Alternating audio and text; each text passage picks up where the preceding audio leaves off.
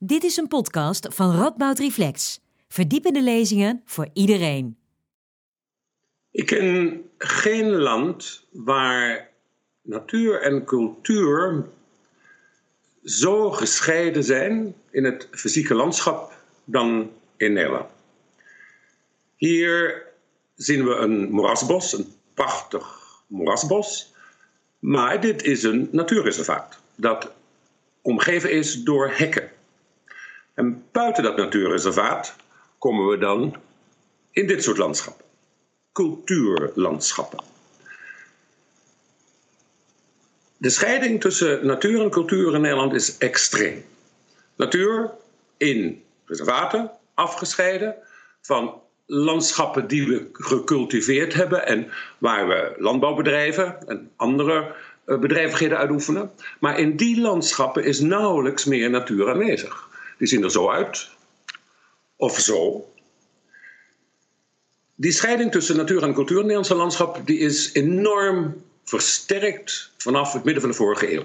Daarvoor was ons buitengebied, uh, je zou kunnen zeggen, ons uh, oud-agrarisch landschap. Een landschap waarin natuur en cultuur nog tot op zekere hoogte met elkaar verweven waren. We noemden die landschappen dan ook half natuurlijk. Want wat boeren daar deden, liet nog steeds een hele hoop wilde planten en dieren toe, zoals bijvoorbeeld in onze heidegebieden. Maar met intensivering van de landbouw is alles wat buiten natuurreservaten ligt, dat wil zeggen ons platteland, eigenlijk een natuurwoestijn geworden. Een landschap waarin nauwelijks meer plaats is voor wilde planten en dieren. Die scheiding tussen natuur en cultuur is niet alleen zichtbaar in ons landschap, maar die zit ook in ons hoofd. Um, wij maken in onze westerse cultuur traditioneel een enorm sterke scheiding tussen natuur en cultuur. Wij zien die als verschillende domeinen. Wij noemen dat in de filosofie de natuur-cultuur-dichotomie. En die natuur-cultuur-dichotomie die eh, heeft, een, heeft wortels al in de klassieke oudheid. Dat begint eigenlijk al bij Aristoteles. Aristoteles maakt een indeling van uh, natuurlijke dingen die gaan we later noemen de grote ladderen van het zijn. En hier zien we die grote ladderen van het zijn. En Aristoteles stelt in zijn indeling dat het begint met mineralen. En dan komen lage planten, dan komen hogere planten, dan komen lagere dieren, dan komen hogere dieren. Een indeling die nog steeds gebruikt in de biologie. En daarboven komen dan de mens. Komen dan de mensen. En de mens, zegt Aristoteles, is gescheiden van al die andere uh, elementen in de natuur, doordat de mens een verstand, een logos heeft en alle natuurdingen hebben geen verstand, geen logos. Maar voor de klassieke oudheid waren al die natuurdingen, al die elementen in de natuur, de planten en de dieren, wel bezield. Alles wat leeft had voor de uh, klassieke denkers ook een ziel. Die ziel gaat voor de natuur verloren in onze westerse cultuurgeschiedenis in het christendom. Want volgens het christendom heeft alleen de mens een eeuwige ziel en is de natuur zieloos. En dan in de 17e eeuw gaan we nog een stap verder. Dan komt René Descartes. En René Descartes zal stellen dat er alleen maar geest en materie is. En de mens combineert geest en materie, zo stelt hij. En heeft als ik hem goed citeer, zegt hij dan: Ik heb niet kunnen vaststellen dat er enige andere entiteit is dan de mens die geest en materie combineert. En derhalve ga ik ervan uit dat alle niet-menselijke wezens geen geest hebben en alleen maar gehoren, eh, gehoorzamen aan de wetten van de mechanica. En dan hebben we dus een scheiding tussen mens en natuur uitgebracht, waar de mens het enige subject is, met een verstand, met een ziel en een geest, en de rest van de wereld bestaat uit objecten, uit verstandloze, zielloze en geestloze dingen, geobjectiveerd. Eh, de grote Frans filosoof contemporaine filosoof Bruno Latour zal zeggen dat wat het Westen bijgedragen heeft aan het grote discours over de natuur, is dat we de natuur volledig geobjectiveerd hebben, gemaakt tot een verzameling van dingen voor ons gebruik en ter kolonisatie. En daarmee hebben we een enorm scherpe scheiding tussen mens en natuur, tussen cultuur en natuur, die diep ingebakken zit in ons westers wereldbeeld. Wanneer we nu naar de stad gaan, dan is het traditioneel zo dat de stad scherp gescheiden is van de ommelanden. Je hebt de stadsmuren en die scheiden het binnenstedelijke van het buitenstedelijke. En in dat binnenstedelijke was er traditioneel erg weinig plaats voor natuur. Dat was cultuur, dat was de wereld van de mens. Daar leefde en woonde de mens. Er waren nauwelijks natuurlijke elementen aanwezig. Dat begint overigens wel te veranderen in de 19e eeuw, wanneer stadsmuren geslecht worden en steden gaan uitbreiden.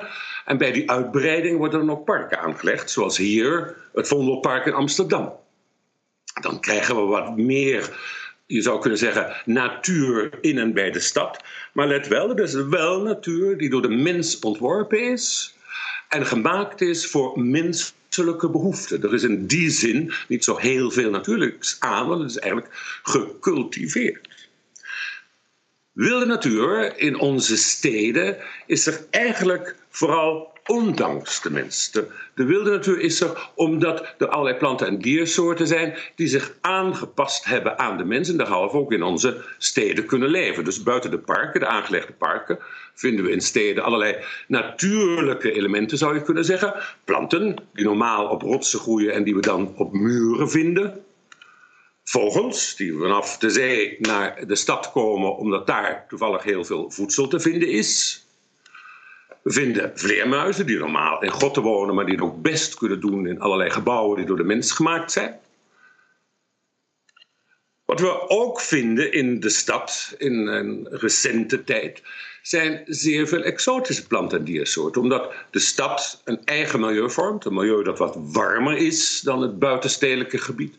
En uh, de stad natuurlijk ook de plek is waar vaak allerlei planten en dieren aangevoerd worden. We zien nu in de stad allerlei planten en dieren die we eigenlijk nieuwkomers zouden kunnen noemen of exoten. De halsbandparkiet die uit India en Afrika komt.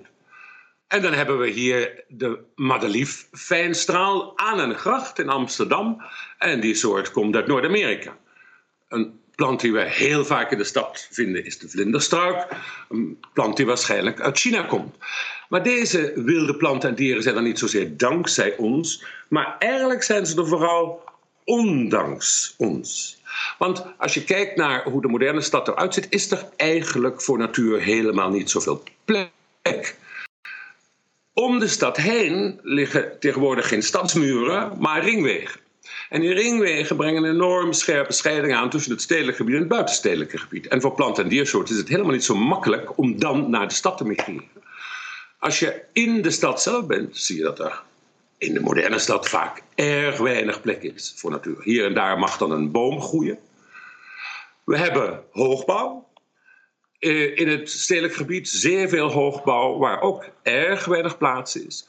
En dat is niet zo goed voor de natuur, maar dus ook niet zo goed voor ons. Wanneer we in een stedelijke omgeving leven waarin erg weinig ruimte voor natuur is, heeft dat invloed op onze mentale en fysieke gezondheid.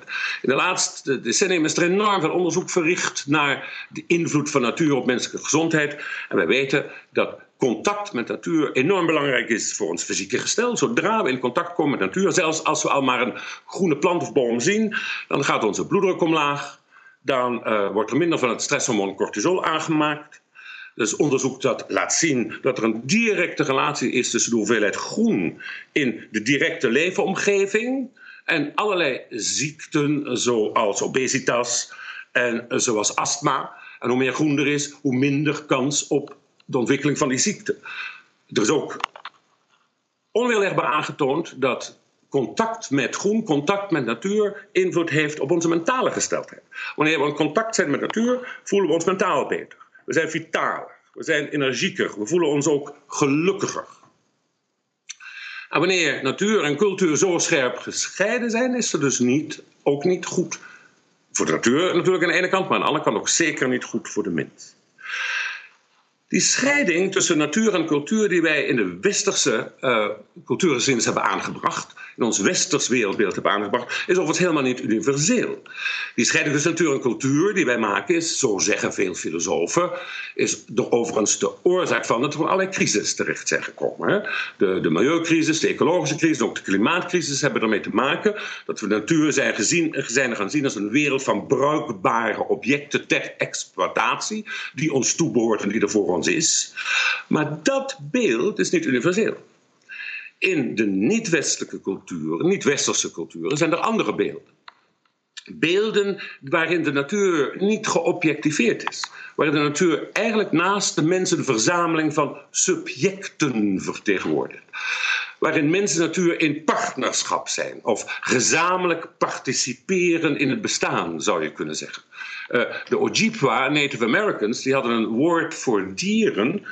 Uh, dat wanneer je dat letterlijk in het Nederlands vertaalt, vertaald zou moeten worden met andere dan mensen personen.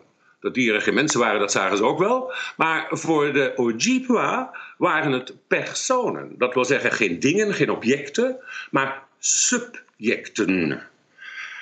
En dat is kenmerkend voor heel veel niet-westerse culturen.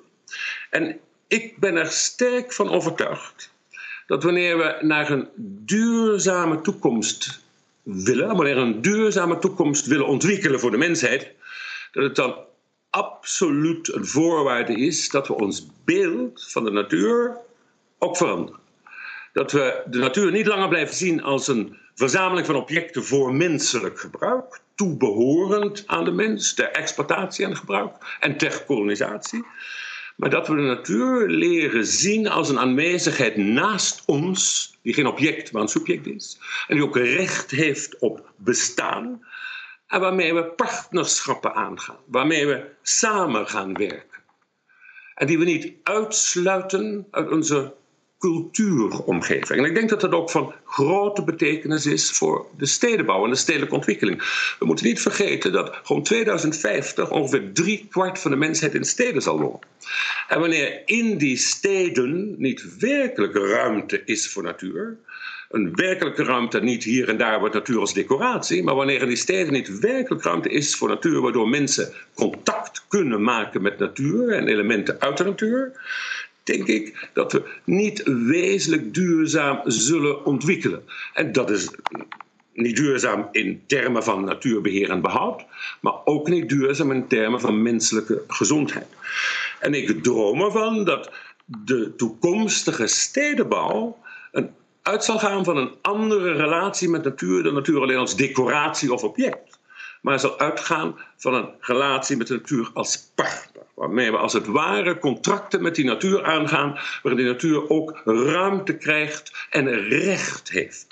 En dan gaan steden anders uitzien. Dan zou dit kunnen gebeuren. Dat zou dan de overgang kunnen zijn van de stad naar het platteland. Geen ringwegen, maar prachtige parkachtige overgang waardoor natuur dichter bij de stad komt en waardoor allerlei wilde planten en dieren ook weer de steden in kunnen migreren.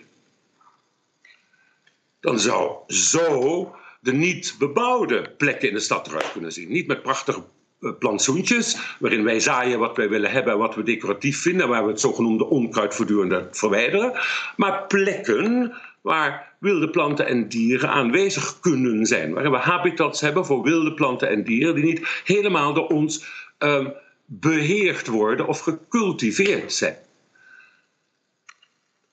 Dan zouden er op allerlei plekken in de stad waar gebouwd wordt of gebouwd is of waar veranderingen plaatsvinden, ruimtes kunnen zijn waar tijdelijk wilde planten en dieren zich kunnen vestigen. Hier staan allerlei akkeronkruiden die je normaal buiten de stad vindt, maar die op dit soort plekken, dat zijn bijvoorbeeld industrieterreinen, een tijd lang een prachtige plaats kunnen vinden dan zouden onze straten er zo uit kunnen gaan zien. Met veel meer groen en veel meer plekken voor planten en daarmee ook voor allerlei dieren die daarmee verbonden zijn. Dan zou onze hoogbouw er zo uit kunnen gaan zien. Is een stad niet meer een cultuuromgeving waar dan wat decoratieve natuur aanwezig mag zijn, of waar wat wilde planten en dieren aanwezig zijn omdat ze zich aan ons hebben aangepast. Maar dan wordt de stad een omgeving waarin mens en natuur in partnerschap samenwerken. Dat is van enorm belang voor de biodiversiteit op deze planeet, maar het is ook van enorm belang voor, ik zou willen zeggen, de gezondheid, mentaal en fysiek van de mens zelf. Maar daarvoor is nodig dat we ons beeld van die natuur veranderen. En dat we ons niet langer blijven zien als eigenaren of heersers over de natuur, met het gevoel dat de natuur van en voor ons is. Dan zullen we dat beeld, dat ik moet wel zeggen, erg goed tussen onze oren zit. Want dat in ons hoofd zit, dat hebben we in de afgelopen 2000 jaar als westerse samenleving ontwikkeld. Dan zullen we langzaam maar zeker naar een beeld toe moeten. Waarin we de natuur zien als een aanwezigheid naast ons. Als een subject naast ons waarmee we partnerschappen aangaan. En dat betekent een wezenlijke verandering van mens en wereldbeeld. En dit zie ik als de belangrijkste uitdaging uh, voor de ontwikkeling van een duurzame toekomst. Dat we in staat zullen zijn het beeld dat we van onszelf hebben, het beeld van wie we denken te zijn op deze planeet, kunnen veranderen. Dat we onszelf niet langer meer zien als eigenaar of heersers of natuur, maar onszelf leren zien als partners van die natuur en met die natuur leren samenwerken. Dat, denk ik, is absoluut voorwaardelijk voor de ontwikkeling van een duurzame toekomst. Dat kan ook in de stad. Dat hoeft niet alleen maar daarbuiten, dat kan ook in de stad. En daarmee uh, gaan we op weg naar een duurzame toekomst. Maar tegelijkertijd worden we volgens mij ook veel gelukkiger en blijer van. Ik dank u voor uw aandacht.